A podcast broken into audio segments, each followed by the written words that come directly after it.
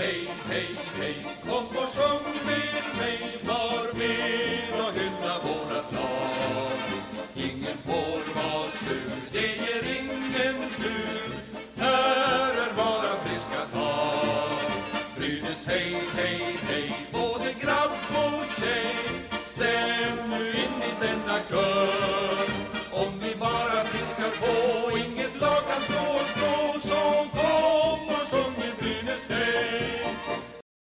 Varmt välkomna ska ni vara till en ny vecka av Brynäspodden. Idag har vi en extra roligt program att bjuda på och inte minst får vi höra Fredriks härliga stämma igen. Men framför allt gästas vi av SDHL-experten Erik Sandberg. Varmt välkommen ska du vara. Tack så mycket. Jag har Eh. efterlängtat att få vara med i Sveriges mest populära hockeypodd. eh, Enligt mig i alla fall. Ja, ah, det värmer att höra att du tycker det. Eh, du, för de som kanske undrar vem du är så har ju du en liten bakgrund eh, med Brynäs. Du har ju bland, bland annat eh, refererat på hemsidan deras eh, för några år sedan. Du, många kanske också känner igen dig som bloggare åt Mittmedia. Jag vet inte, vad kallades du för Brynäsbloggare då? Eller? Ja, jag tror den hette Brynäsbloggen i alla fall. Så, så Ja. Under några säsonger där också. Precis. Så du har ju bevakat Brynäs väldigt länge måste man ju säga. Och sen så är det ju många som känner dig som just precis som jag sa, jag kallar dig för SDHL-expert och du har ju bevakat damhockeyn väldigt länge. Eh, och mig veteligen så har ju liksom om man ska jämföra på något vis så tycker jag att många i media skriver om damhockey för att man ska skriva om damhockeyn. Men du är, har ju ett genuint intresse och har haft det väldigt länge. I alla fall så länge jag har känt dig. Eh, och därför så tänker jag att vi kommer ju att prata väldigt mycket damhockey idag. Eh, vi kommer att prata, det är ju ett pågående slutspel. Eh, vi kommer såklart nämna lite om herrarnas eh, vecka som har varit och sen så kommer du Fredrik att bjuda på en intervju med damlagets huvudtränare Henrik Glas. Ja, precis. Den har legat uppe för, för våra Patreons ett tag. Det var väl lite över en vecka sedan jag gjorde den, men, ehm, men nu är det dags för våra, för våra vanliga lyssnare att få höra den också. Mm. Ja, det blir jättespännande. Jag har, jag har sett fram emot det här avsnittet väldigt länge faktiskt. Eh, men Erik, när du ändå gästar oss, eh, Brynäs IF. Vad säger det dig? Ja men oj, det finns ju hur mycket som helst egentligen. Det är klart att som, som, eftersom jag har följt den här klubben i ganska många år på både nära håll och från läktare och från, på alla möjliga sätt liksom, så, så eh, är det ju, det, märks ju att det är en väldigt speciell tid just nu. Det är länge sedan man var i den här kvalkänslan. Som, för det är ju, kval är ju, betyder ju många olika saker. Det kan ju både vara kvalnegativt, men det skapar ju känslor in hos oss alla som, som eh, inte blir så bra i de här lägena när det måste fattas rätt beslut. Men jag är ganska försiktig till hela den här soppan som är. Varför Campes är ledig och det är liksom röret och vem bestämmer och sådär. Liksom så. Det, det, där måste man vara lite försiktig. Helt klart finns det ju någonting. Det går inte att tveka. Det, så är det ju. Det, det måste ju finnas någonting som är trubbel när man har ett, en klubb som inte eh, styrs åt, åt, åt det håll det ska så att säga. Eh, jag, tycker också att, jag tycker också att det märks lite grann på, på Peter Andersson det han sysslade med efter Leksands, eller under slutet av Leksandsmatchen är ju inte det, den kalla hjärna och varma hjärta som, som laget behöver just nu tycker jag. Eh, Det, det, det är rörigt någonstans och, och det, det måste de ta tag i på allvar. Jag tycker här har ju spelarna en jätteviktig roll att spela för sin, för- inte bara spela för sitt eh, nuvarande, alltså för det, kom- det kommande kontrakt de har skrivit på redan för andra klubbar, vilket jag är övertygad om att flera stycken har gjort, utan också faktiskt fullfölja det här som någonting som de professionella spelare de är, att visa att, att det här laget ska inte kvala utan det här laget ska åtminstone undvika det. Mm. Eh, för jag tänker om man eh, blickar tillbaka på de senaste åren med Brynäs IF så kan man ju ändå konstatera att eh, om man tittar på organisationen så är det ju många saker som har blivit bättre över tid. Eh, framförallt damsidan om man säger det. Eh, det kommunikativa arbetet, eh, marknad, allting har blivit bättre. Men just SHL-laget går ju bakåt egentligen. Mm, har du några tankar kring vad det kan bero på? Nej, alltså jag, jag, jag fastnar ju väldigt ofta i, och det, och det kanske är min, liksom, mitt dilemma hela tiden, att, att vi, vi som följer eh, SHL-laget så här på, från, från sidan, vi, vi, vi, jag tycker att man har rimliga förväntningar på, på vuxna eh, spelare att ta ansvar för den här situationen. Jag tycker inte alltid att man gör det. Hur, gör man det jobb som krävs på träning, på förberedelse, kan man lägga konflikter åt sidan. Kan man liksom acceptera att jag kanske inte tycker att det här är det bästa sättet att spela på, men jag gör det för att vi ska eh, kunna göra en gemensam prestation. Gör man det? Jag, jag, jag, ibland så tvekar jag kring det och det, det, det är inte för att vara elak på, med just det här laget utan jag, jag, förväntar mig en fråga som jag skulle vilja ha ställt till alla spelare var och en. Liksom, det är hur handleder de sig själva i det läge de är? Går de bara och väntar på att någon annan ska göra det eller är de beredda att göra jobbet som krävs var och en av dem? Och, och det vet, det, det, ibland har jag känslan av att det är några som kanske inte gör det. Jag, mm. jag vill ju tro att det är så, men ibland får jag känslan att det inte är så. Mm. Men kan det vara liksom, är det, är det ledarskapet som brister i det eller tänker du att eh, det är själva gruppen någonstans som det skär sig? Nej, jag, jag, jag, spekulerar ju nu. Alltså jag ska mm, inte liksom säga att jag, jag, jag, tror ju inte, jag menar, jag, säger det igen, jag tror ju att det här är professionella spelare som alltid gör sitt bästa på både träning och match i 60 minuter och, och 65 om det behövs. Liksom så. Men det är ju alltid så att plockar man ihop 25 högpresterande människor plus tränare och uh, sportchefer och allting sådär så, så äh, uppstår ju också en gruppdynamik som man ska hantera. Det handlar inte bara om att var och en ska prestera utan man ska ju också göra det i relation till andra. Rudin får ju vara hur bra han vill äh, på isen. Om, om, om inte han har fyra stycken till runt omkring sig då spelar det inte så stor roll hur bra han är utan de måste ju liksom göra det här tillsammans. Och där ibland känns det som att det inte är riktigt synkat. Och sen om det då är så att man inte gillar spelidén, om det är det som är liksom ett, om, om det skulle vara så. Eh, då, ja, men då, är ju, då måste man ju vara så professionell och säga att ja, men det är chefen som bestämmer. Och i, det här, I det här läget så är det ju då Peter Andersson som bestämmer. Just nu är det i alla fall han som bestämmer. Eller så får man liksom säga då att nej, vi måste, det här går inte. Vi måste göra något annat och då får han anpassa sitt ledarskap till det. Eh, men, men nu är det ju för sent för det. Nu är, vi, nu är ju Brynäs där de är och då, är det, då handlar det bara om att bita ihop de här matcherna som är kvar och se till att det, det löser sig. Ja, för att eh, det låter ju någonstans som att eh, det är klart att alla individer har ju sitt ansvar i det här på något vis. Ehm, och för att Brynäs har ju pratat väldigt mycket om att man är i en process. Det är nya ledare, man ska tillsätta ett nytt system. Ehm, det är ju inte mycket vi ser av det egentligen om man blickar på den här säsongen, utan det är ju liksom och någonstans i det här resan så har man ju också tvingats till att förändra sitt spelsätt just för att mm. man ligger där man ligger. Ehm, man har inget spelförande lag just nu. Man kontrollerar inte sina matcher. Eh, och ska jag vara helt ärlig så vill jag inte att de ska vara, försöka vara spelförande just nu. Jag vill att de ska vinna matcher. Mm. Och då, om de gör det med 1-0 och, och, och, er som har stått på huvudet varenda gång, det, då är jag nöjd. Just nu. Mm. Inte, inte, inte sett men, men det är det det handlar om. Mm. Det är liksom det läge de är nu. Och det är det, det, är det jag menar, det är lite det, det jag är ute efter när jag menar att inse allvaret. Ni, ni kanske inte spelar i den här klubben nästa säsong. Men supportrar eh, och alla människor som är beroende av Brynäs IF i Gävle, eh, både genom anställningar och på annat sätt. Eh, för, de, för de människorna är det här väldigt viktigt. Och då är det, kan man i alla fall lämna ett fint minne eftersom att man stred varenda byte, varenda match, varenda träning för att det skulle, Brynäs IF skulle klara av den här tuffa, tuffa utmaningen som man står inför nu. Mm. Ja, men precis. Eh, och jag tänker när vi ändå är inne på herrlaget eh, så kan vi ju ta upp matcherna som har varit, Fredrik. Ja, precis. Det har varit två matcher här i veckan.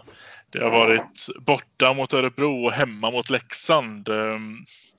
Jag vet inte ens hur man ska sammanfatta den här veckan som har varit egentligen. Men vi kan väl börja med Örebro-veckan. Eh, Örebro-matchen. Det blev ju 3-2 till Örebro på förlängning. Vad var er känsla under matchen? Jag, tycker ju Brynäs gör det, gör det bra i tredje. Jag trodde ju faktiskt inte att de hade liksom kraften och, och liksom ta med sig poäng därifrån. Det trodde jag inte. Liksom. Så, och det, det trodde de nog nästan inte själv för de såg nästan lite överraskade ut när, när välsadden började. Om man ska vara lite eh, elak. De var nog nöjda med att få med sig en poäng där. Jag tycker de gör en hygglig match där men, men det, det är inget dåligt Örebro de möter heller. Nej, precis. Jag, jag kände som du där att det var ju lite förvånande, men ändå, jag kan ändå tycka att 2-2 var ändå rättvist när 60 minuter hade gått eh, och att Örebro skulle ta extra poängen. Men jag, jag, tycker ändå att det var en, en så pass gedigen insats att vi skulle få med oss en poäng i alla fall som vi gjorde. Absolut. Ja, det håller jag helt med om.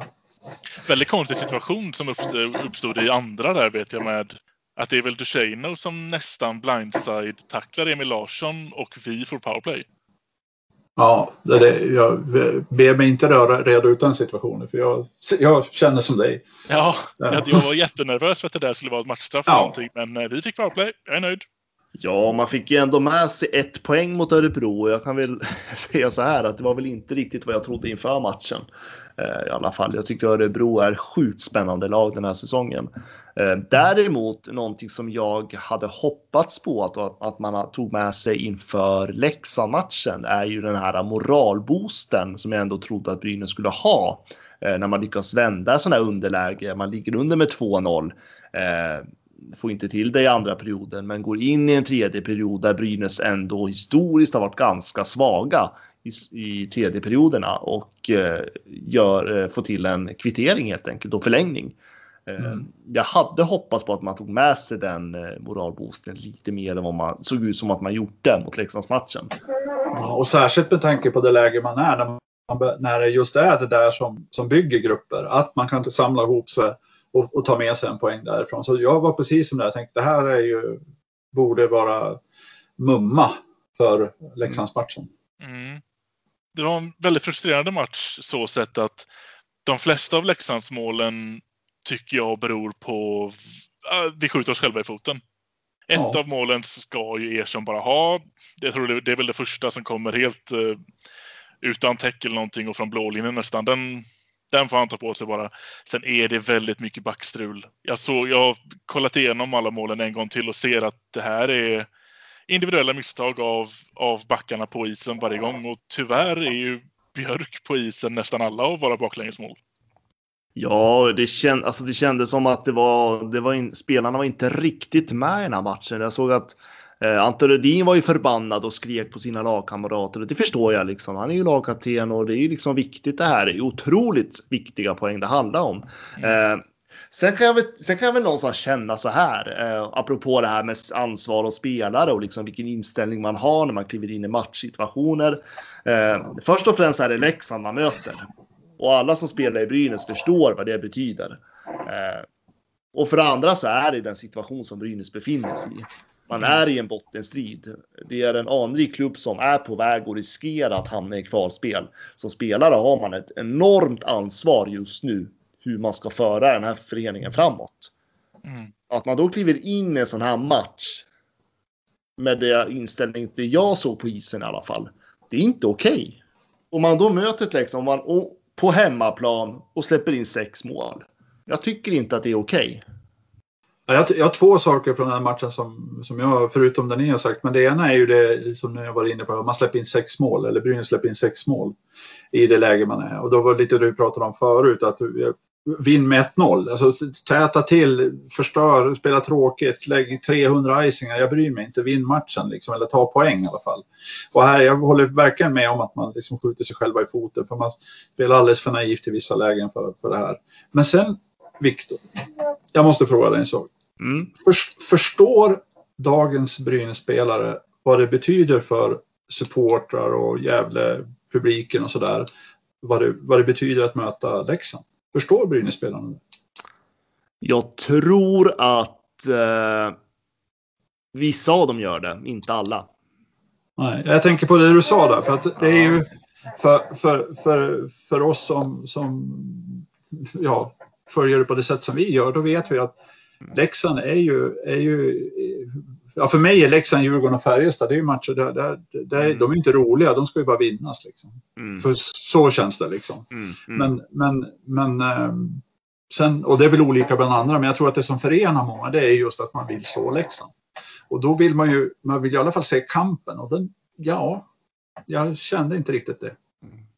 Nej, och samtidigt finns det många i Brynäs som är uppväxta i stan. Jag tänker Anton Rudin till exempel. Eh, är ju liksom uppväxt i stan och vet liksom vad det här betyder. Eh, många runt om laget förstår ju vad det här betyder. Men det finns ju, alltså jag tänker inte bara spelare och ledare, alltså materialare, kanslipersonal. Alla ja. förstår vad Leksand betyder. Eh, jag har svårt att förstå, eller jag har svårt att tro att en som spelar, att man ska ha missat värdet i att möta Leksand. Mm. Eh, sen förstår man väl kanske att den personliga inställningen mot Leksand, jag tycker om man tar en spelare som mm. DeShano till exempel, nu bara spotta ut ett namn här som inte förstår, som inte är uppväxt med svensk ishockey, förstår vi kanske inte värdet i det.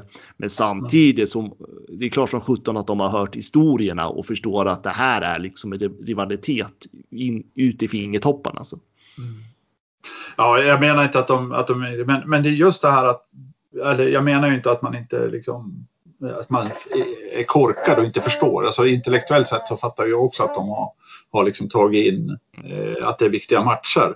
Men det är ju just det där i, i, i förberedelserna. Jag menar, det spelar, jag, eh, Anton Rudin kan ju stå och skrika hur mycket han vill under match. Det, förberedelserna börjar ju långt före det. Det är ju flera timmar före de ska ha fokus och, och sova. Under match så kan man ju göra väldigt lite. Eh, alltså man kan ju väcka någon men man, den stora skillnaden är ju före match. Mm. Men, det, men eh, då undrar jag så här, jag tänker just förberedelserna inför matcherna. För att i det här läget så varje match som är nu och varje match som kommer är ju, alltså det är ju kniven mot strupen, rent ut sagt. Eh, och förberedelserna inför dem, det måste väl ändå vara tränarnas ansvar på något vis? Till ja, ja, ja, ja, alltså, ja, det är klart att tränarna, tränarna måste se till att skapa, leda på ett sådant sätt så att så att spelarna är väldigt väl förberedda. Det säger jag ingenting. Det är självklart så att tränarna har ett jättestort ansvar i det. Men samtidigt så vill jag ju, vill jag ju mena, hur, hur, hur ska spelarna förbereda sig på ett sådant sätt så att de kan känna sig liksom avslappnade, trygga, göra det enkla, inte bli stressade i onödan. Eh, allt det här som, som, som spelarna behöver nu. För jag personligen är ganska trygg med att jag tror att det här laget kommer att klara det. Mm. Jag, tror att, jag tror att man kommer att göra det. Mm. Men det kommer att krävas just det här. Kan, man, kan inte någon göra något enkelt konsekvent i 60 minuter? Förstår ni vad jag menar? Alltså, gå tillbaka till något väldigt enkelt. Jag krånglar inte till det. Skapa trygghet genom att slå fyra, fem passningar rätt. Är ni med hur jag tänker? Ska, bli, ta andas med hjärnan, brukar jag säga. Andas med mm. hjärnan. Ja, nej, men jag förstår precis vad du menar. Uh, jag har en annan fråga till er mina herrar. Uh, varför spelar man inte Chad Billings i powerplay? Ja, det eller i en högre backformation. Han är ju ja, det också.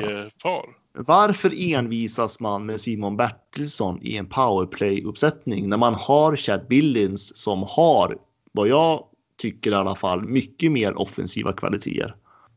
Nej, jag, har jag har, jag, jag, det vet ju bara, det, det, det svaret kan man ju bara spekulera i. Jag tycker, jag tycker också att det är märkligt. Eh, sen, sen, vet jag inte liksom det här med, med Simon och sånt. Det, är väl, det kan man ha åsikter om naturligtvis. Men, men att Chad Billings inte spelas mer på ett, ja, där man nyttjar hans kvaliteter på ett bättre sätt. Det ställer jag mig också lite sådär.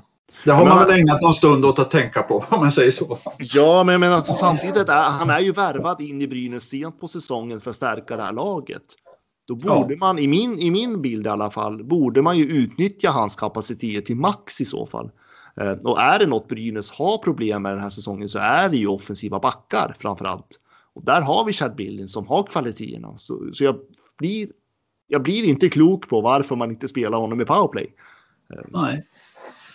Nej, jag förstår det inte riktigt heller. Jag, jag, jag, skulle gärna se, jag skulle i alla fall vilja se det en match. Mm, mm. Pröva, pröva. För det, det, blir inte så där jättemånga powerplay, men pröva det konsekvent en, en match liksom och så får vi väl se. Någonstans, det... alltså, vi, man måste ju effektivisera, alltså, man måste effektivisera, alltså just de här special teams blir ju oerhört viktiga i de här matcherna. Ja. Det är oerhört viktiga poäng det handlar om och jag menar, någonstans i min, tycker jag att man borde, man borde pröva effektivisera sitt powerplay-spel till max. Och där har vi Chad Billings. Han är, han är en skicklig tvåvägsback i mina ögon. Han har offensiva kvaliteter.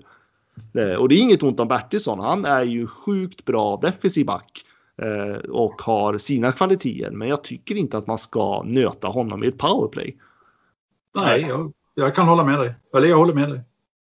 Låt Chad Billen spela powerplay redan imorgon. Eller vad blir det för dag? Vilken dag är det vi pratar om? Ja, det, idag blir det. Idag blir det. Ja. Redan ikväll kräver vi Chad Billens på blå i powerplay. Ja, men mot Lidköping, då, då vill vi se, Ja. då vill vi se Chad Billings i powerplay-formationerna. Ja. Ja, Någon får skicka det avsnittet snabbt som attan till eh, Andersson. Så, ja. Han kommer garanterat att lyssna och göra precis som vi säger. Tror du inte? Ja, men någon liten påverkan kanske vi har i alla fall. Det skapar en kedjereaktion här. Ja, ja. ja, ja.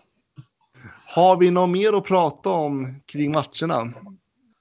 Om man syr ihop det där både med liksom klubbens läge och matcherna som är och kommer så, så känns det ju som att alla vi, för jag säger vi i det här läget, då, måste liksom inse att nu behöver vi fatta att det här är skarpt läge. Det duger inte liksom att skälla ut folk på stan eller eh, ringa och mejla elaka saker till ledare inom Brynäs. Så det hjälper inte nu. Det, och det kommer aldrig att hjälpa. Utan det viktiga är nu att vi fattar att läget är som det är och då får vi faktiskt sluta upp bakom det här och försöka stötta alla inblandade på bästa sätt. Eh, även om vi har frågor om Chad Billings eller vem, varför, hur formationerna ser ut eller om de är förberedda eller inte. Någonstans i slutändan så måste vi förstå att Brynäs är ingenting annat än både spelare, ledare, supportrar, medlemmar, personal på kansliet och allt annat. Nu är det dags att visa det. Att vi är en klubb, inte en massa åsikter. Ja, men precis. För det, det finns ju en tid, säg juni-juli, där man kan prata om konstruktiv kritik eller vad som har gått fel eller utvärdering. Den behöver inte komma nu vad man tycker vem som borde sparkas efter säsongen eller vem som borde bänkas. Det är inte det det handlar om nu. Nu handlar det om att reda ut situationen och sen tar vi utvärderingen efteråt. Jag håller med dig. säger, Ta, ta fighten nu, diskussionen sen. Eh, Mm. Lite grann. Eh, Ja, det var bra sammanfattat. Det var, det var mycket kortare sätt än vad jag sa. Skellefteå-försvar, Jakob Silfverberg. Nej, men vilket mål han gör! Vilket mål han gör, Jakob Silfverberg! Nu har han gjort flest mål i en SM-finalserie i ett SM-slutspel genom tiderna. Men vilket mål han gör! Under den här veckan så har det ju varit otroligt mycket skriverier om Brynäs IF. Eh, det har inte bara varit den här veckan, det har varit konstant den här säsongen. Eh, men det kom ju ut en bomb skulle jag vilja säga från bland annat hockeynews.se om att uppgifter om att Micke Campese skulle avgå. Eh, Trots att styrelse, eller styrelseordförande Jürgen Lorenz eh, dementerade uppgifterna. Campese själv skrev till oss att nej, det stämmer inte. Eh, så fortsatte spekulationerna.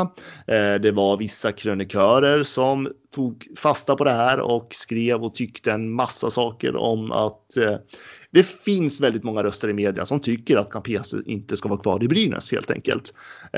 Och jag känner någonstans en liten frustration i det här personligen. Vi, Campese har ju varit med i den här podden några gånger och vi har ju fått förklarat för oss att det är väldigt få, knappt någon, som hör av sig till Brynäs IF för att ta reda på hur saker och ting faktiskt styrs. Eh, vilket är ett jättestort problem när man sen ska stå i bästa sändningstid eller i en stor plattform och tycka och ha massa åsikter. Men vad tänker ni kring de här skriverierna, Fredrik? Jag blev rätt förbannad när jag läste den artikeln. Jag, jag läste den väldigt ordagrant och det kan vara en av de sämsta artiklarna jag läst. Det står i rubriken klubbdirektören får lämna Brynäs. Det första som sen står i ehm, inledningen är att Campese ska lämna Brynäs stämmer inte, säger Lorentz. Men ändå så vill man ändå ut och hajpa det här att nu har man fått någon någon har viskat någonstans att det visst är så och nu tänker vi gå på den linjen. Sen följer en hel artikel där det bara är eh, olika människor som förnekar att, att det är så är fallet. Förstår inte hur det, hur det kunde ha blivit en grej och speciellt det här då ihop med så, så som du säger att Campesa har varit tydlig med att det har information som kommer ut och som diskuteras har sällan tagit vägen via Brynäs. Nej, eh, och det har ju och jag vet inte, någonstans har jag nog samlat ett lite irritation på det här för att tiden innan det här så var det också väldigt mycket prat om är det så att Brynäs har fifflat med coronatesterna? Just det. Och det vet jag för det är många journalister som faktiskt har skrivit till oss privat och sagt att de tror det. Men ingen har belägg för det. Mm. Utan det här är bara någonting som någon har fått för sig som har spridit sig. Och så kommer nästa grej. Campese ska bort och det skrivs om honom att han ska bort och att ja, vi har ju bland annat haft några experter på Simon som har sagt att vi ska blåsa ut hela föreningen och sen så byter man. Ja, sen kommer man tillbaka till matchsituation och man för inte diskussioner vidare utan man eh, lägger ut de här stormarna på något vis. Men Erik, du som eh, följer mycket. Hur tänker du kring det här? Nej, jag, jag tänker väl för det första så tycker jag att man ska, vi ska vara lite glada över att det här att intresset för Brynäs är så extremt stort som det är.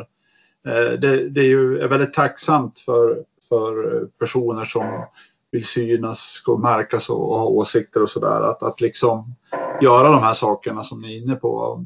Jag har inte, jag har inte belägg för någonting av det som, som, som tas upp liksom, utan jag bara jag, jag har ju samma information som alla andra liksom. Och då, då kan jag ju konstatera att hade det hänt i, i, i, några andra klubbar så hade det inte varit någon diskussion alls. Liksom. Det hade inte varit någon sådär stor, stor fråga utan det är ju för att, att Brynäs väcker känslor och hos både de som tycker om Brynäs och de som, de som vill, vill Brynäs illa om jag får uttrycka mig så. Det, det, är väl det första som jag reagerar eller tänker. Det är, det är att i grund och botten så är det någonting ganska positivt att, att Brynäs berör.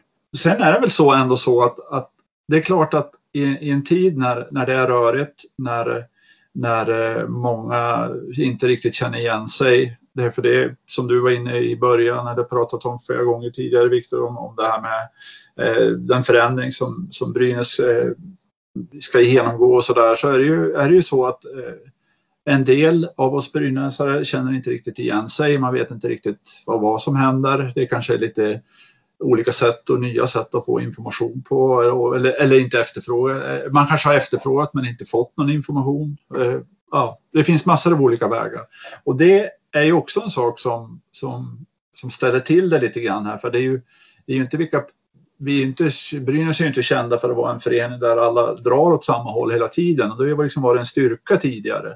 Att vi har tyckt olika, tänkt olika och så har vi samsats kring den bästa idén och så har vi kört på den.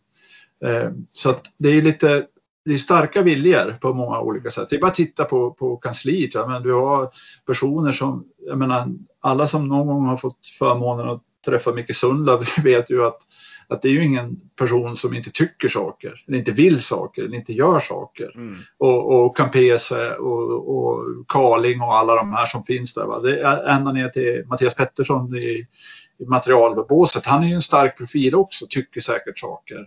Men det som, eh, det som jag tror är grundproblemet liksom, det är att förut har vi, har man alltid kunnat sagt att man, man gör det för Brynäs bästa. Nu är man inte riktigt säker på att, därför att alla personer har i grunden varit brynäsare. Nu vet man ju inte riktigt vart man har folk, för man känner inte, ja men som Campese till exempel, han har inte varit så många år i, i Brynäs ändå. Va? Va, va, hur funkar han i de här lägena?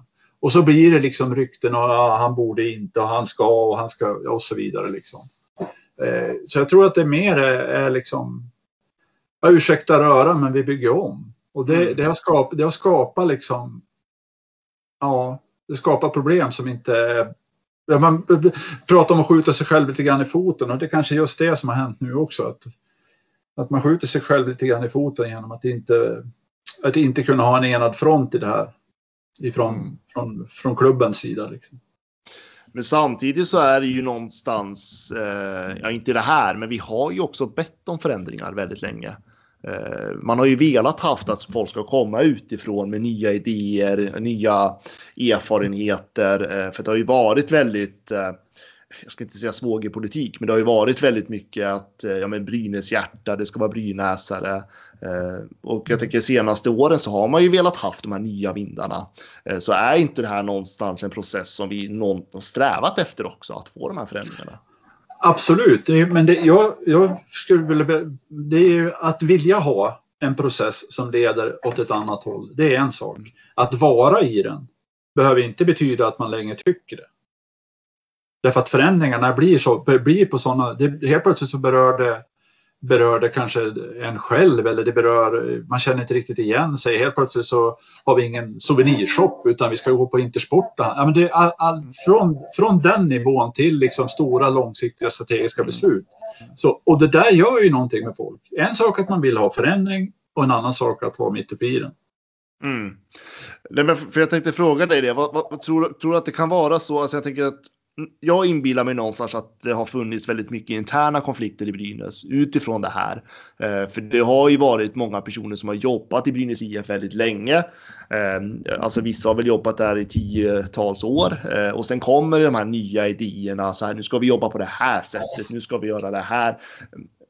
Kan det ha varit så att, att det har funnits väldigt mycket och fortfarande finns väldigt interna konflikter i organisationen som påverkar den här förändringsprocessen som man någonstans vill vara i? Jag, jag vet inte. Jag kan alltså nu, det här men, men, men jag tänker att, att vi, vi går tillbaka till, till tiden när en bra start drog igång eller samarbetet med Unicef eller de här sakerna som inte var rent sportsliga.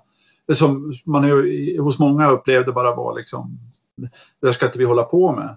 Den, det, det, det är klart att det skapades konflikter eller konflikter. Alltså, ja, det är klart att det skapades konflikter då. Det är väl möjligt att, att när det då dyker upp nya eh, varianter på åsiktsskillnader så, så, så flammar det där upp igen. Liksom. Att man hamnar i olika läger och, och eh, vänskap och allt vad det nu kan vara för någonting. Det, det, det, går inte att utesluta, det gör det inte. Men jag, jag, jag, vill ju inte jag vill ju inte tro att, att än en gång om man jämför, om man tar lite samma diskussion som man pratar om spelare. Det här är ju, det här är ju duktiga människor som är anställda på kansliet och, och sportchefer och allt det. är ju duktiga människor. De vill ju också göra ett bra jobb så att jag, jag kan inte liksom tänka mig att man låter konflikter gå så, gå, gå, gå så långt att man inte kan eh, reparera det för, för klubbens bästa. Liksom. Det, det, jag, kan, jag, kan inte, jag kan inte ta in det riktigt att det skulle vara så det är ju ingen som är där och vill förstöra någonting. Det, det kan jag inte tänka mig. Nej, alltså. Man, man tänker säkert för mycket på allting nu. För jag menar någonstans har ju också hockeynews.se fått sin källa från första början. Eh, Absolut. Och, och var den kommer ifrån, det kan man ju bara spekulera kring. Liksom. Eh, det kan ju vara något hittepå från något, jag har ingen aning. Eh, Nej, jag tänkte på det där med en bra start, för där var det också mycket. Det var ju media frågasatte ju väldigt mycket i början. Det var väl nästan bara du och jag Erik som ja. jublade åt den där idén. ja, ja, ja, vi var ganska ensamma ett tag. Det var vi. Jag, jag fick i alla fall en del mejl om det. Ja, jo, men jag med. Och, eh, och, och, vi, vi gick direkt ut att det här är bra och ingen förstod vad vi sa. Så. Men idag är det ju ingen som frågasätter en bra start på det sättet. Liksom. Eh, det har ju någonstans satt sig väldigt mycket. Klart, det finns ju några fortfarande som tycker att Brynäs inte ska hålla på med något förutom hockey naturligtvis. Men ja. jag tycker stora massan har ju ändå skapat en förståelse för att det här är bra långsiktigt för föreningen ekonomiskt och socialt och så vidare och så vidare. Um, jag tänker någonstans. Det, det, det, det, jag menar när det gäller eventuell kritik kring det, det är ju det att, att, att eh, man tror eller att man har en uppfattning om att Eh, Arbetet kring en bra start och samarbete med Unicef och så vidare. Det, det, som sker där som jag fortfarande tycker är väldigt bra själv eh, skymmer blicken för det sportsliga. Att det, liksom, att det har drunknat, eh, att hockeyn har drunknat i det. Och, ja, det, det, är jättesvårt för mig att göra någon bedömning av det. Jag har svårt att tro det, men, men eftersom det skapar ekonomiska förutsättningar så de kan skriva väldigt bra kontrakt, spelare och, och andra där. Så att jag, mm. jag, har svår, jag har svårt att se att det, men, men jag kan ibland tänka att kritikerna tänker så att jaha, nu, nu syns det om att man har gjort någonting med en bra start igen. Liksom. Men när, när mm. får vi en bra back? Liksom, mm. Eller vad det ja, jag tänkte på det på den här Unicef-matchen som var eh, för några veckor sedan. Eh, den kom ju väldigt dåligt tajmat där. Ja.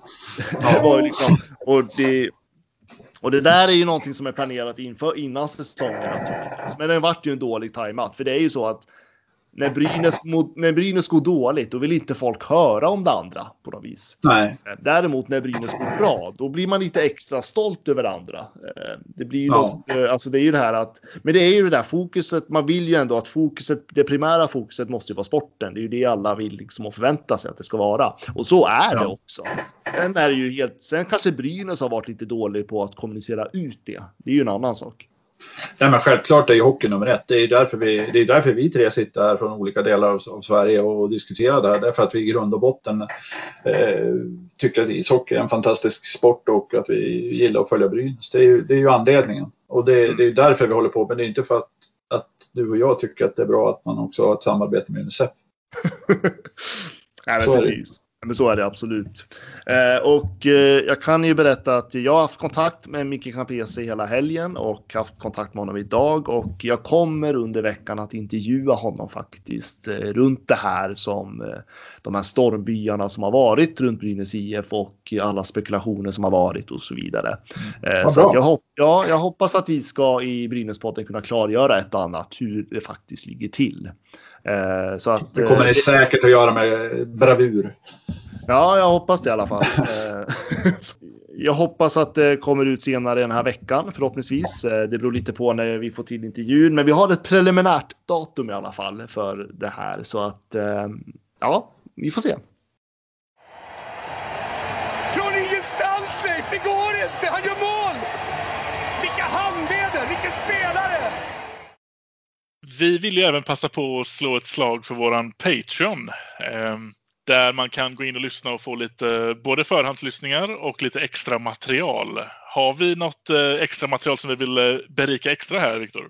Oj, det är ganska mycket, men vi har ju bland annat lite bloopers eh, som eh, du har lagt ut. Eh, Mm. Inte jättekul för min del, men eh, det är oftast jag som gör bort mig tydligen. Eh, men bland annat det. Eh, vi har gamla historiska avsnitt och det kommer komma ut mer historia för Patreons. Även extra insatta avsnitt skulle jag väl ändå vilja säga. Som inte kommer ut i de vanliga mm, poddapparna utan att eh, det läggs ut på våra Patreons enbart för våra Patreons. Så att man får lite extra i det där om man väljer att stötta Brynäspodden genom att eh, bli en Patreon helt enkelt.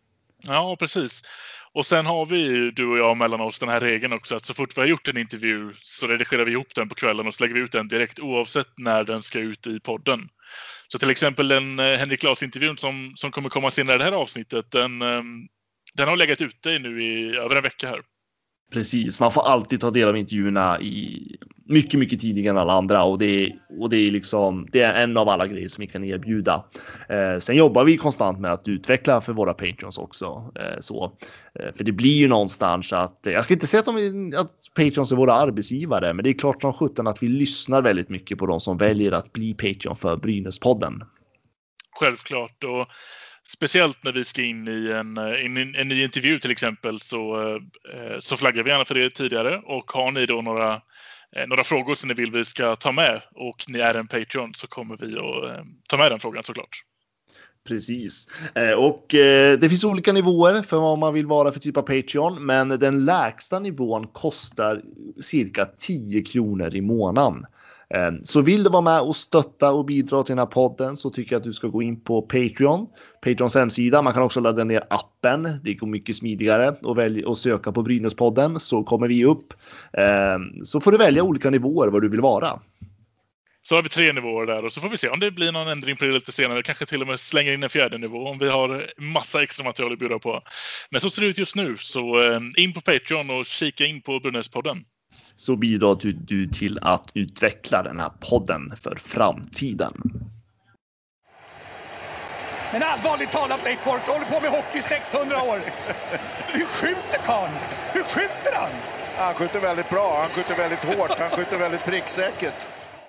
Ja, då tycker jag att det är dags att vi pratar om det här avsnittets eh, huvuddel skulle jag ändå vilja säga och det är ju om vårt fantastiska SDHL-lag som just nu slåss för, på riktigt för märket på bröstet skulle jag vilja säga.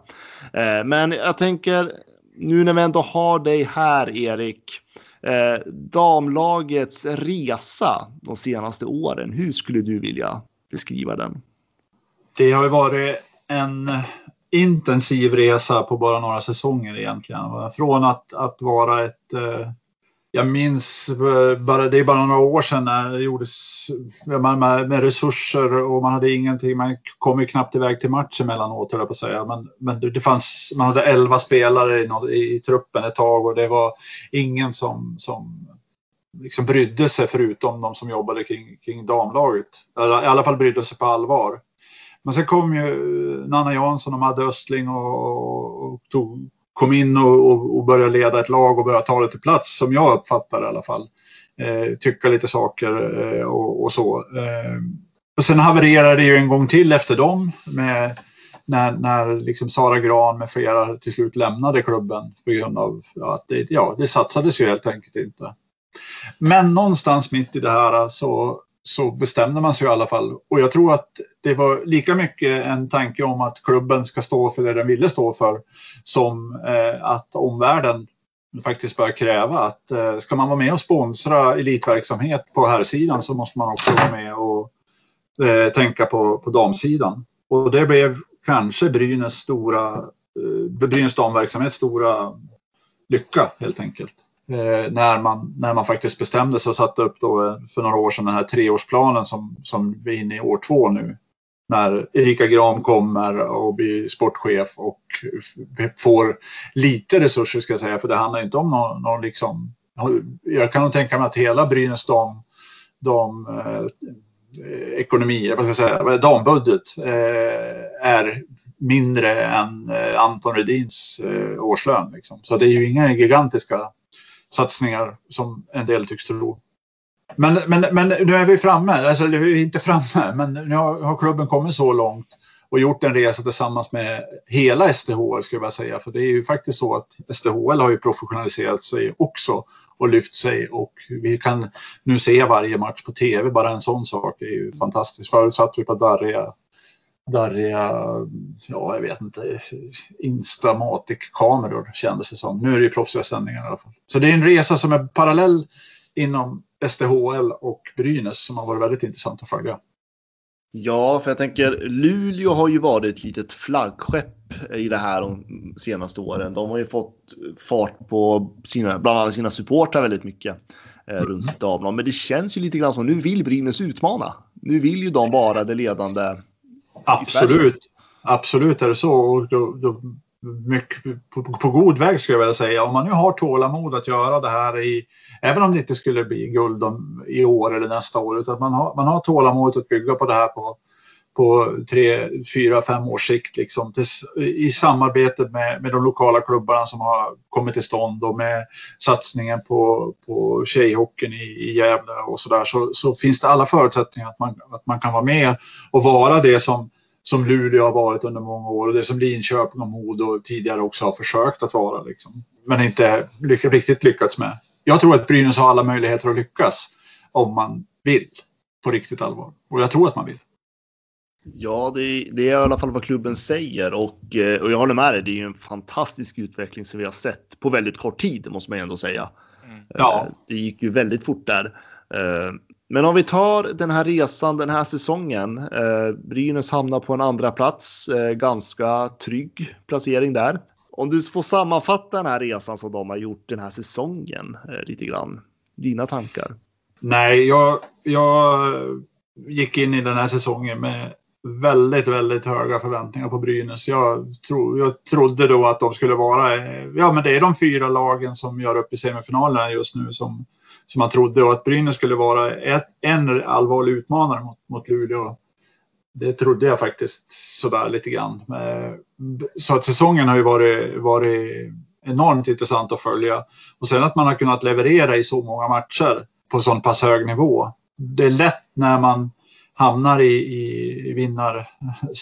Ja, men när man vinner och vinner och vinner, att man liksom till slut blir lite bekväm. Men någonstans har de ändå, de har ju förlorat vissa matcher kanske som de skulle ha vunnit. Va? Men, men, men de har liksom alltid kommit tillbaka och, haft en högre nivå. Sen går det ju inte att, att ta bort, jag menar vi har ju Katerina Emrazova och Stalder och Krishova och några stycken till där som ja, Rosa Lindstedt som jag är väldigt svag för som nästan aldrig syns fast hon är jättes, jättelång och, och sådär. Men, men just därför är hon så bra. Men det är ju exceptionella spelare. Det finns ju inte ett lag i Europa och förmodligen inte heller i Nordamerika som inte vill ha de här eh, tre spelarna, Emerasova, Stalder och Krishova. Det är ju fantastiska spelare och de har ju, jag vet inte hur många, det känns ju som de gjorde 200 poäng eller något. Jag vet inte, jag kan inte ens räkna ihop det. Men, men eh, mycket i alla fall. Så det har varit underhållande att titta på dem också.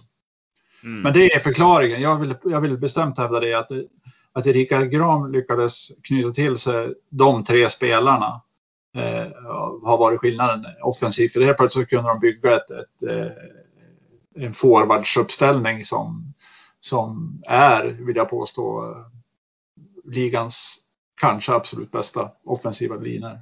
Ja, för jag tänkte fråga dig lite grann. Eh, om man tittar på det här laget som är nu. Eh, de kommer gå in i en semifinal, eller de spelar ju faktiskt semifinal dagens datum där vi spelar in. Jag kanske, vi kanske ska säga det att eh, den andra semifinalmatchen mot HV71 kommer att spelas efter att vi spelar in den här podden. Så att ni, ni lyssnare förstår det.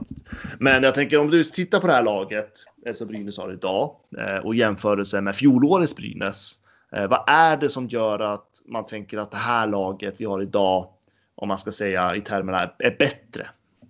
Ja, jag, vill, jag vill plocka fram framförallt en, en sak, eller det är egentligen Erika Gram förtjänst skulle jag vilja säga, för att hon tillsammans med, med ledarstaben satte sig ner och verkligen tog tag i det som de flesta såg under fjolåret. Att, att Brynäs var ett, en kandidat för, för ett bra tabelläge och ett långt slutspel, det handlade offensivt, det var ingen snack om.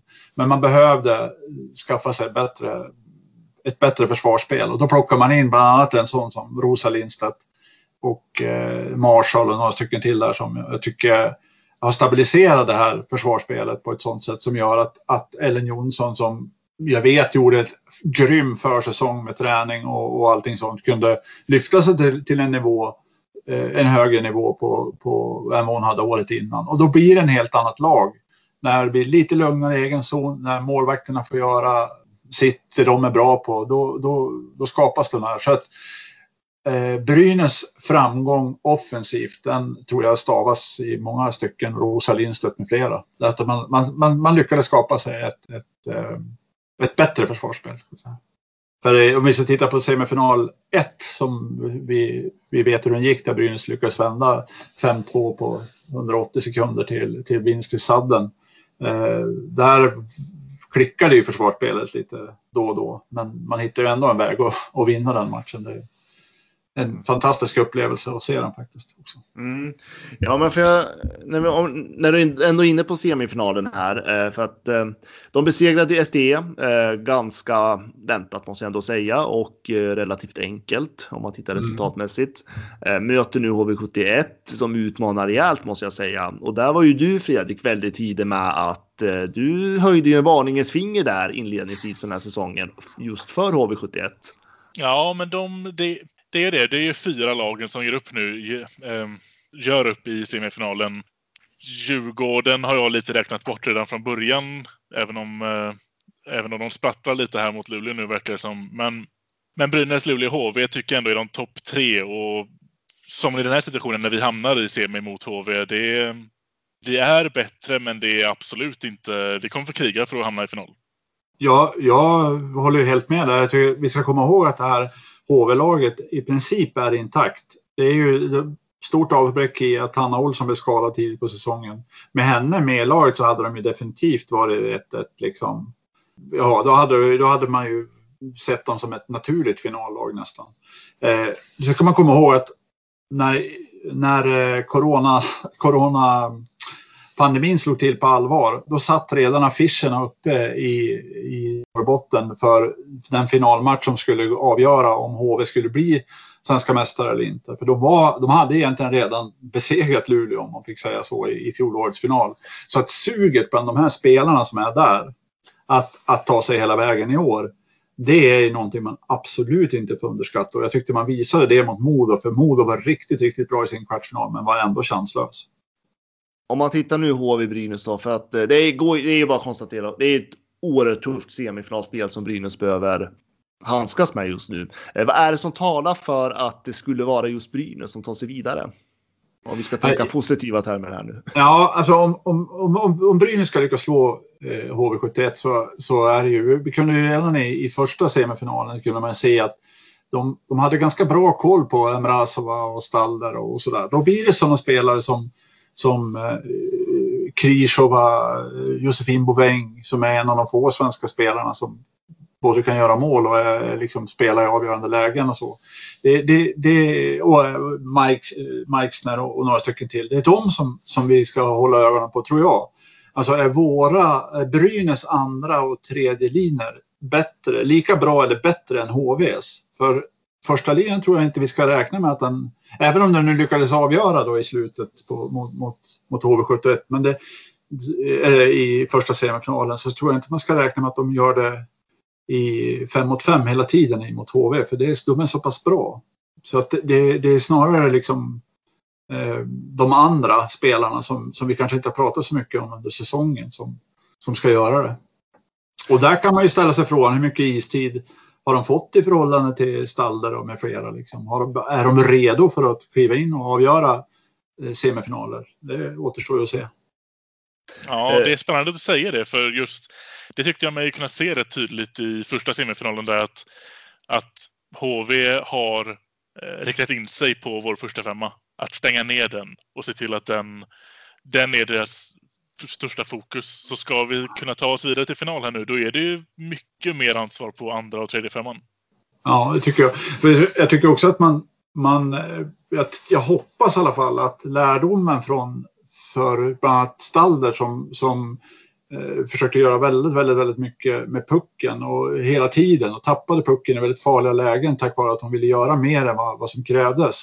Att den här kedjan, för när den är som absolut bäst, då är det ju när, de, när det går fort för dem. När de liksom inte håller på och gör tusen dragningar utan att de kan, för de, det här är ju spelare som kan slå snabba passningar och skjuta på direktskott och de, det är det de ska göra för att de har inte tid att och, och göra det vackert mot HV71 utan det ska, här är det effektivitet som det handlar om. Mm. Jag tyckte att de, de lyckades ju bra med som du var inne på, att stänga ner dem. Så det var ju en del av förklaringen varför Stalder kanske kladdade med pucken så mycket som han gjorde. Men, men då måste man ju som, som spelare hitta ett annat sätt att lösa det på. Det hoppas jag att de kommer att göra. Men jag sätter mitt största förtroende till Krishova, Meixner, Boväng eh, och dem. De som de kanske inte har orken och tiden och spelarna till att stänga ner också. Vi väntar ju fortfarande på att Saller ska presentera sig i slutspelet här. Ja, hon slog ju några hyfsade passningar i slutminuterna där får jag Ja. säga. Men, men, men eh, målskyttet har hon inte, hon har inte gjort något än i, i semin i alla fall. Om jag minns rätt nu i hastigheten. Men jag tror, jag tror att det är det som är, jag, jag, jag tror att man har alla, det var jätteviktigt att vinna den här första matchen för nu har man ju till och med råd att förlora en match liksom och, och ändå eh, kunna avgöra på hemmaplan på allvar. Eh, alltså man har tre chanser att vinna två på hemmaplan om det skulle krävas. Så jag tror att man har, man har en god chans att ta sig dit. Men då, då gäller det ju att, att eh, fortsätta spela det bra försvarsspel som gör att Zonpä får vara riktigt så bra som hon kan vara och, och, och så sedan att, att ja, än en gång då andra och tredje linjerna forwardsmässigt eh, är bättre än HVs. Mm. Ja, ehm, jag har ju väldigt länge, eller jag har ju väldigt många gånger tryckt på just eh, att jag har ju ansett att eh, Brynäs eh, ba- eller målvaktspar har kanske inte varit eh, av ligans bästa eh, med Ellen Jonsson och Agnes Åker. Nu tog man ju in då Evelina Sumpe på slutet här. Vad har hon betytt för laget? Nej, men det är väl klart att jag, jag tycker att det är lite orättvist med kanske framförallt eh, Ellen för att Ellen lyf- gjorde verkligen en bra för, för, försäsong och, och, och tyckte jag spelade bra i Brynäs där. Eh, jag var lite överraskad eh, att, att hon blev uttagen i landslaget, men det var väldigt roligt. Hon gjorde en bra landskamp där också när hon fick stå. Men eh, men eh, på din fråga om zon vad hon betyder så är det ju naturligtvis så. Hon är mer rörlig runt målet och hon är mer... Eh, eh, hon kan ju vinna matcher. Hon kan ju göra idioträddningar som, så i högre grad. Jag säger inte att Ellen inte kan göra det, men i större utsträckning och fler gånger än vad kanske vad, vad Ellen kan, alltså Soonpää kan göra fler sådana matcher än vad Ellen kan göra. Så att det är ju, men det är ju en, hon har vunnit VM-silver och hon är liksom med, med, Finland och det är ju en kanonmålvakt. Hon var ju fruktansvärt bra i Linköping, tyckte jag. Eh, Otroligt imponerad av henne. Tillsammans med Gonzalo och HV så här, det här är ju en målvaktsserie egentligen, tycker jag. Jag tittar ju med, jättemycket på de två för jag tycker de är fantastiskt duktiga målvakter. Så att eh, det är klart att hon har betytt mycket för, för, för Brynäs. Särskilt för dem på det sättet att hon har den här rutinen när det kommer till stora viktiga matcher. Det har ju, hade ju, har ju inte Brynäs målvakter. Alltså Ellen och Agnes Åker har ju inte haft så stora erfarenheter av, av, av eh, att stå bakom Sara Gran. Men det var väl ingen som fick stå i ett slutspelsmatch när hon var med i Brynäs till exempel. Utan det är ju bara, det är som, som det är liksom.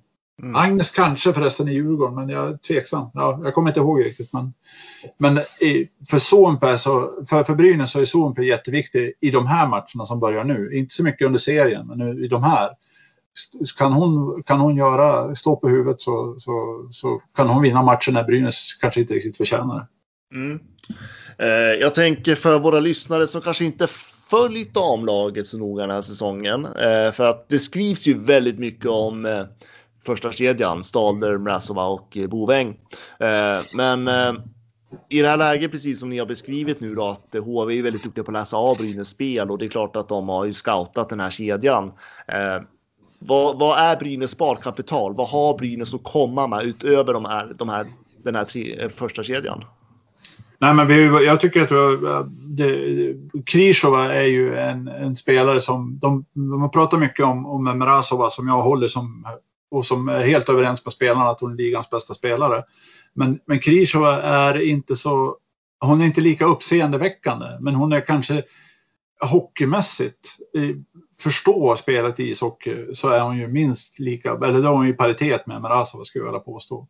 Så hon kommer att vara jätteviktig. Hon gör också det här äh, lite smutsigare jobbet. Hon är inte, hon är ju liksom, jobbar ju oerhört hårt i, på gränsen med fysiken och, och sådär. Så att hon, hon är oerhört, henne skulle jag verkligen lyfta fram som en spelare som eh, man håller koll på när man tittar på Brynäs under fortsättningen av slutspelet. Sen är det Maja Nylén Persson på, på backplats eh, och då kanske inte framförallt i egen zon utan i det offensiva spelet. Hon har lugnet och hon har Eh, spelsinnet att, att hålla i en puck när det behövs, eh, träffa mål relativt ofta när hon skjuter eh, ja, är helt en, en, viktig, en viktig pjäs i, det sammanhanget. Så att, de två, Emma Muren är också en sån spelare som pratas väldigt lite om tycker jag. Som jag, som jag håller ganska högt i, i, slutspel, i slutspelssammanhang för att hon är lite av en jag ska inte säga stridsvagn för det är elakt, men, men, men, men, det, ja, men OM. Och jag har aldrig sett henne liksom fuska ett byte. Utan hon, hon gör det hon ska. Liksom. Och det, det tror jag skickar signaler till, till hela laget och tillför någonting som, som är viktigt. Sen är ju liksom Marshall och Rosa Lindstedt. Rosa Lindstedt, jag kan ju prata hur länge som helst om henne. Jag, jag, jag, tycker hon är en fantastiskt bra defensiv back eh, som dessutom kan slå en passning eh, på, på, av högsta nivå. Så att jag, otroligt underskattad. Jag kan inte fatta att HV släppte henne. Det är obegripligt för mig. Men bra för oss då, helt enkelt. Ja, ja fantastiskt. fantastiskt. Jag är jätteglad över henne. Och sen är det sån äh, Meixner som kan, som, som är som, jag vet, inte, jag vet inte vad man ska beskriva henne, men hon har extrem explosion i utväxling i sin skridskoåkning. Och i de lägen när hon är på isen så måste HV hålla koll på henne. För vänder spelet och det flippas ut en puck i mittzon så kommer hon att vara först på den. Och hon kan göra mål. Så att eh, jag henne bör de nog börja hålla koll på också. För hon visade ju, hon gjorde ju åtminstone ett av målen i, i första semifinalen där i powerplay, eller i 6 mot 5. Men, men eh, det är framförallt i det här spelet 5 mot 5 när hon kan riva sönder och riva isär HV som jag tror, tycker hon är särskilt intressant att titta på. Så vad blev det då? Soonpää, Meixner, Kryshova, Boeng, Emma Muren. Har du glömt några? Systrarna? Cordoba, Hanna Rylander. Nej, men det, det, det, är ju så. Eh, mm. Och sen tror jag en otroligt viktig eh, spelare i det här som, som vi nästan slutade prata om när, när Emrasava kom till, till, till Brynäs. Det är ju Erika Gran själv. Och inte för att de kanske tillför så himla mycket offensivt som som en del tycks tro att hon ska göra. Men apropå det vi pratade om tidigare, före match, under match, eh, viktiga tekningar. Jag minns en av matcherna mot Linköping här under säsongen när, när det till slut brinner för Jennifer Wakefield. Det eh, är en minut kvar och bara sopa på Erika Gram av någon anledning. Den typen eh, av spelare är ju oerhört viktiga under ett slutspel. Erika Gram hade, gjorde Wakefield så trött på att spela ishockey så hon blev utvisad. Liksom. Så Erika Gram skulle jag nog vilja lyfta fram, framförallt som ledare. Ja, jag tror att hon... massvis med rutin. Absolut, och hunger. Hon, hon, hon vill ju visa att hon både kan spela till sig ett, ett SM-guld men också att hon kan plocka ihop ett lag som kan vinna SM-guld. För henne är ju är det tror jag också en viktig drivkraft. Att, att inte bara göra det som spelare utan dessutom som sportchef. Det vore ju det är väl snudd på unikt. Ja, det, ja, finns, det, det, finns, det finns mycket sparkapital i det här laget, även om man lyckas bomma igen första kedjan helt enkelt. HV har lite mer att göra om jag tolkar rätt. Jo, även om Brynäs då har, liksom, har en bredd på sin forwardsida nu som gör det möjligt att, att, eh, att gå långt i det här slutspelet så ska man ju inte heller glömma bort att, att HV71 har det också. Man har en spelare som till exempel Anna Borgqvist som spelar i tredje formationen.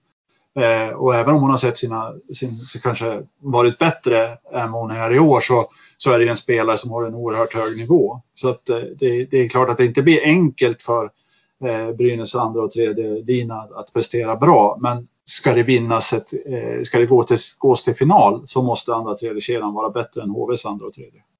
Ja, nej, det är svårt lag att slå. De har ju bra målvakter i HV också, tycker jag. Eh, ja, ja. Jag tycker Lina Jansson där och framförallt eh, riktigt bra. Alltså, det är ett bra lag, så, så är det bara. Uh, nej, men jag tänkte på, uh, backa lite grann till spelarna där, för vi intervjuade ju Maja Nylén Persson förra avsnittet. Uh, nu känns det som att det var ett bra tag sedan, det var ju två veckor sedan vi hade förra avsnittet. Uh, nej, men det som slog mig var liksom att hon vill ju verkligen vara den här ledande. Hon vill ju ta mycket ansvar på isen. och jag tycker det är ganska häftigt när, alltså det är en sån ung spelare som har otroliga förväntningar på sig. Hon kommer till Brynäs IF och när hon kommer hit så alla pratar om den där supertalangen som liksom ska vara här och producera och hon liksom tar det på ett jävligt coolt sätt tycker jag. Eh, och vill liksom, hon strävar efter att ta mycket ansvar offensivt. Jag tycker det är häftigt. Det är... Nej, och det är ju, det, jag kan bara hålla med dig. Hon har, hon har ju ett A A på sin tröja trots att hon är så pass ung som hon är. Eh, och jag tycker man ser, titta gärna i samband med att det blir mål och hon har varit inblandad i det. Det är inte alltid att, att hur hon uppträder mot andra spelare. Hon uppmuntrar dem och hon liksom eh, man ser att hon vill vara en i centrum trots och, och, och, och hon är inte den där eh, ta plats-människan riktigt utan hon är ju mer en, en, en, spelare som, eller en person som som vill att laget ska lyckas. Inte, inte att hon nödvändigtvis ska synas. Hon kan ju lämna över ett mål ibland. Fast hon, ja, hon kan ge bort det nästan för att, att någon annan behöver det bättre än hon. Liksom. Så hon verkar ha enormt stark eh, personlighet på isen och jag, jag tycker väldigt mycket om henne. Och, och, det, och det, är också ett, ett, ett, bra bevis på, eller ett bra bevis kan jag inte säga, det är ju det är ju lite sorgligt på ett sätt att nu i, i Brynäs så finns ju Josefin Boväng och, och, och Maja Nylén och Hanna Tuvik och, och, vad heter hon nu då? Kaja Nova heter hon väl va? Eh, men får man ta de här tre svenska talangerna, Tuvik, Boväng och, och Maja Nylén, så är de ju de, det de behöver är ju de här matcherna. De behöver ju få spela fler sådana och det är fler svenska spelare som behöver göra det. Eh, det finns ju sedan många år tillbaka en kritik emot, eh, jag menar, i Linköping hade fler utländska spelare än svenska spelare och Luleå har sin finska legion och allt vart de kommer ifrån. Och, ja, det har alltid varit, och kanadensiska och amerikanska spelare har varit här. Liksom så. Och det är klart att, att jag är ju för att de är här, för jag tycker att det är jätteviktigt att vi kan skapa tävlingsmiljöer och träningsmiljöer för våra svenska unga spelare som är på absolut högsta nivå. Om, både för klubblagshockeyn men också för damkronorna. Men någonstans måste det ju vara så att Josefin Boväng, Hanna Tuvik och Maja Nylén, om vi använder de tre som Brynäs exempel, måste få fara in och spela i de avgörande momenten för att de ska kunna ta sitt, eh, sitt nästa steg. Och det, med undantag av, av Maja och kanske lite grann Josefin, så, så, så är de väldigt sällan inne för då är det väldigt mycket Krishova, Stalder, Mrazova eh, och så vidare. Liksom. Eh, och det där tror jag vi måste se upp med. Eh, snart börjar jag, även jag, tycka att vi kanske ska begränsa antalet importer för att vi ska få fler svenska spelare som, som är med och spelar i de avgörande momenten i matcherna. Eh, det är jätteviktigt, men det får inte tullas på att vi har en bra tränings och tävlingsmiljö heller. För då, det måste vara bra träning och tävling för att det ska bli bra hockeyspelare också. Men är det inte lite det man försöker få till nu? Jag tänker eh, i Brynäs fall i det här. Då, man, har ju ett, eh, man har ju ett nära samarbete med andra klubbar i Gästrikland. Eh, man har ju själv fått igång en flickverksamhet. Eh, men det är mycket som är i startskottet nu liksom. Det, är ju, det tar ju några år innan vi får fram de här spelarna. Eh, hur, för jag tänker, någonstans behöver vi ha de här eh, importerna nu. Ja, jag är, det är min uppfattning också. För att ligan ska vara attraktiv och att det ska vara bra för, för de svenska spelarna så behöver vi importerna för att det ska hålla en hög nivå. Det är, det är min absoluta övertygelse. Men jag tror att vi måste, vi måste ändå börja fundera på hur ska vi skapa? Eh, Hockeyförbundet vill skapa en juniorliga nationell juniorliga och det vill väl klubbarna också så. Men då ska det tillföras resurser till det och så är vi tillbaka på ruta ett. Vem ska betala det här och så blir det tjafs kring det och så. Men, mm. men det, nu, nu växer ju flickishockeyn så enormt mycket så att framtiden tror jag inte vi ska oroa oss jättemycket för. Få, utan det är den här generationen med de som ska vara förebilderna för de som nu är i flickhockeyn. Alltså vilka, vilka förebilder finns det då i, i, i svensk hockey? Med, ja, men då tar jag än en gång då med Maja Nylén, om vi tar henne som ett exempel. Det borde finnas fyra, fem Maja Nylén i, i, i varje klubb liksom. För att, att, att man ska känna att det blir liksom bra det här på sikt. Mm. Men du har ju rätt i det att det är tidigt och vi är i början av en resa och allt det där. Va? Men det, det, är också lite politikersnack för att det är liksom nu det, är nu, det, är nu det görs. Det är nu vi måste göra det för att liksom ta hand om de som redan finns. Och sen är nästa fråga, är spelarna beredda att göra jobbet? Och tittar man på sådana som, som Emrazova till exempel, hur extremt vältränad hon är. Eller titta på, på ja, några stycken till. Liksom, så de är, det är otroliga elit, elitidrottspersoner. Liksom. Och då kan man ju fundera på, hur, är våra svenska spelare beredda att göra det jobbet? På det sätt som de här har gjort. Jag hoppas det. Eh, ja, det återstår att se. Mm. Då avslutar jag med ett politikersvar också.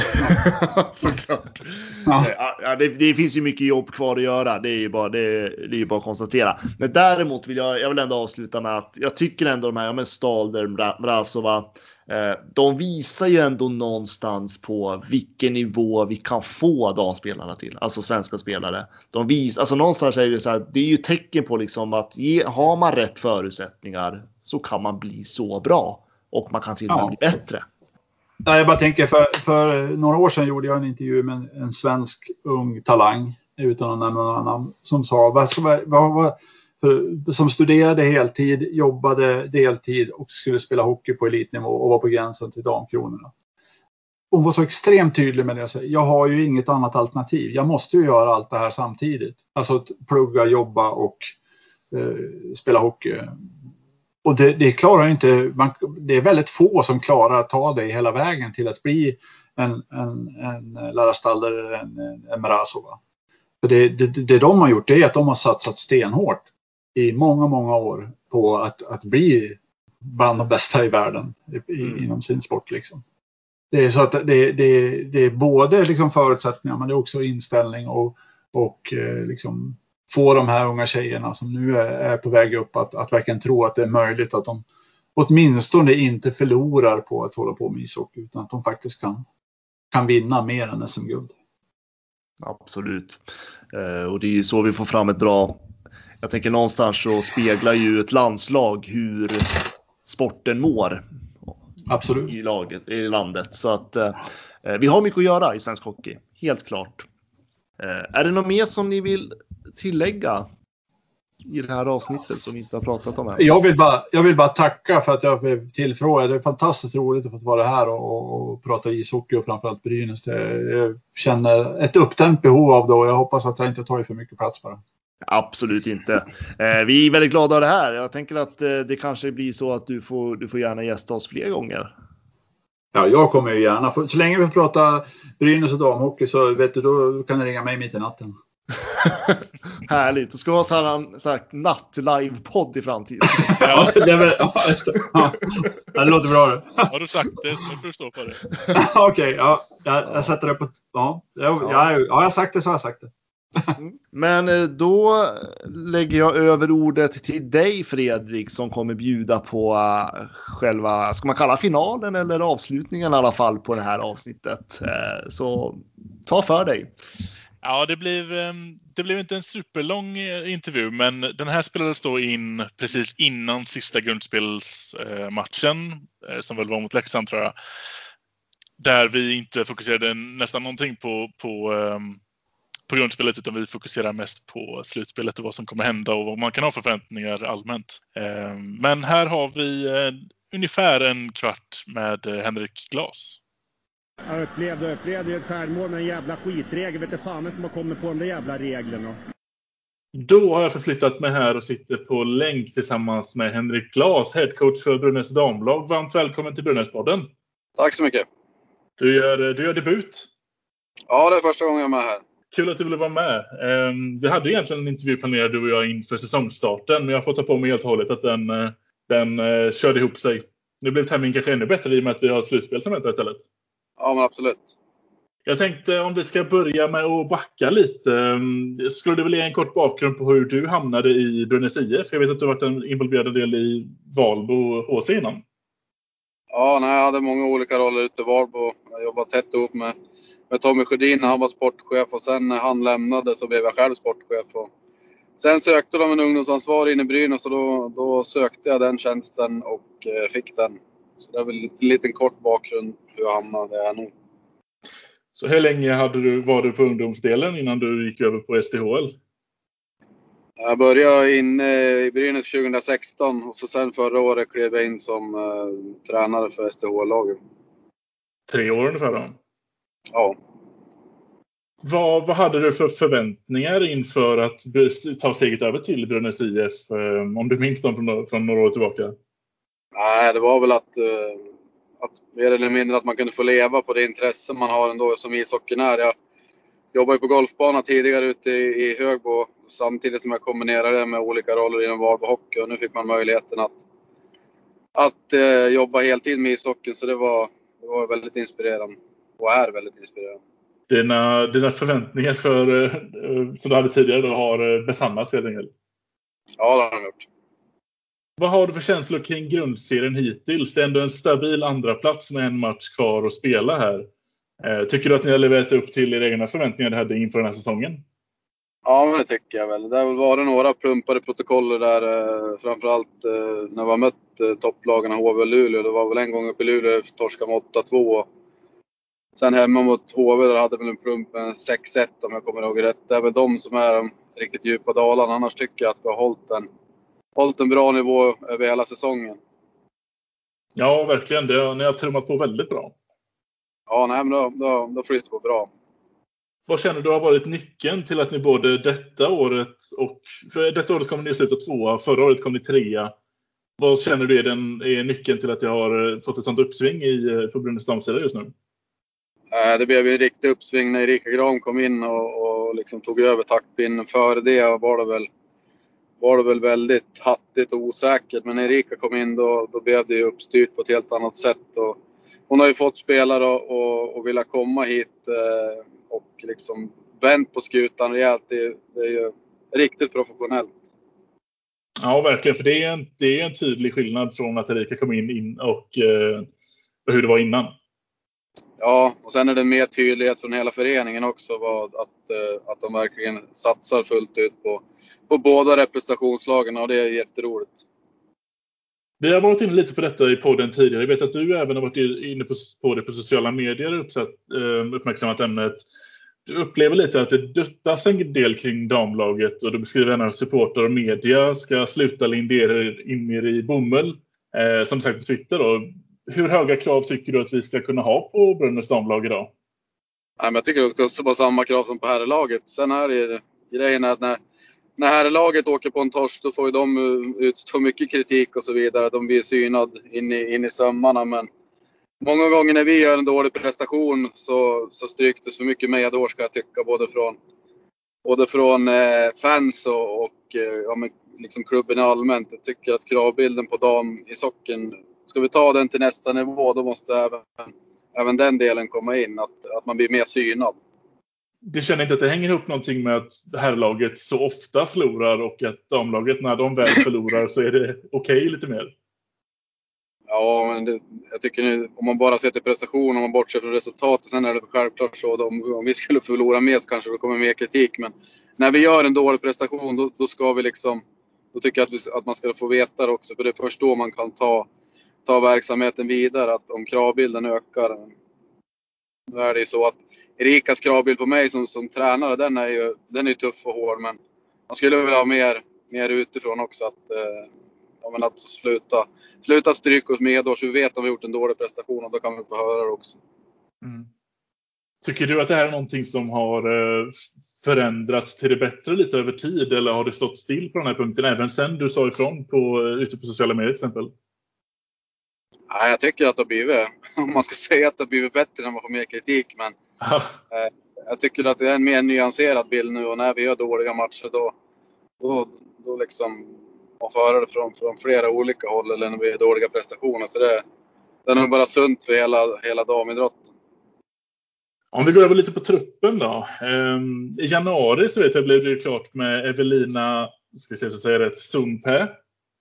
Ja. Uh, som förstärker resten av säsongen var ju hennes kontrakt då.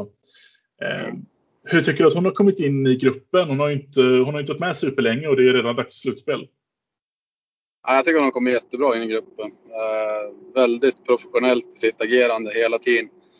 Träningar och matcher. Hon lägger ner, lägger ner 100% i varje träning. Så det, uh, hon har kommit in bra och har gjort det bra också.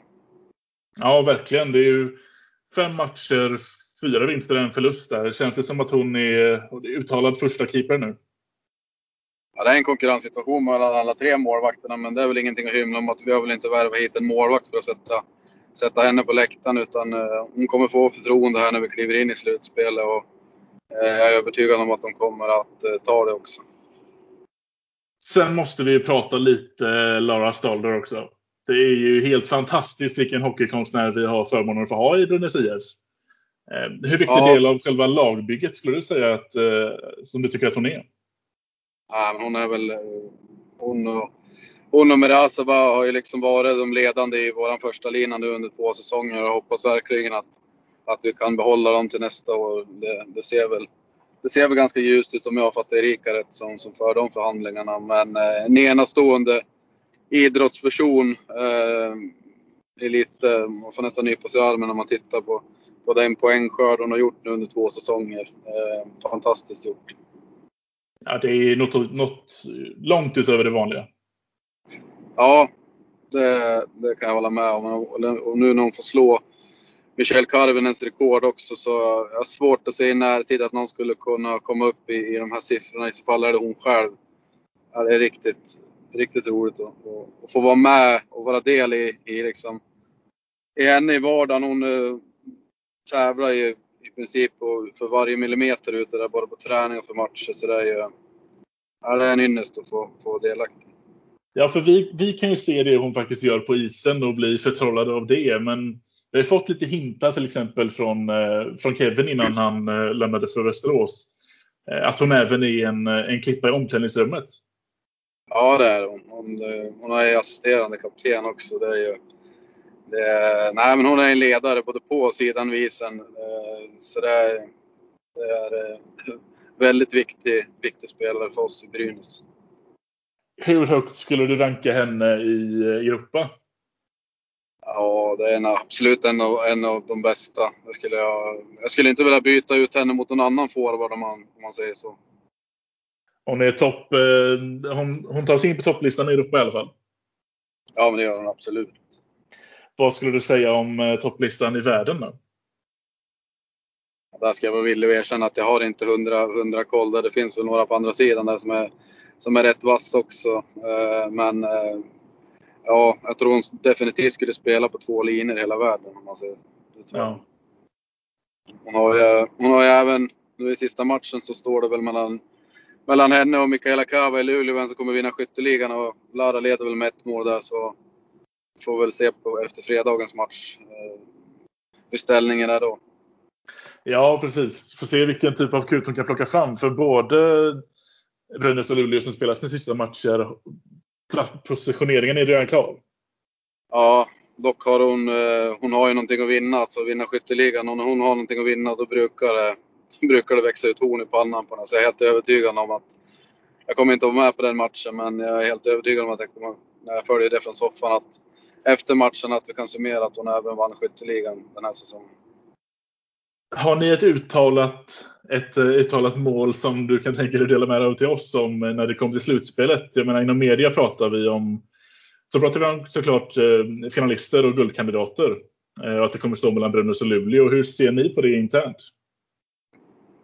vi har väl, vi är ju inne i den här treårsplanen som vi liksom satt där första, första året som var förra året. Då var det ju semifinal och, och det här året är det final och nästa år är det SM-guld. Men är man i en final då finns det inget lag som vill förlora. Så det är inget snack om att målsättningen är att gå hela vägen.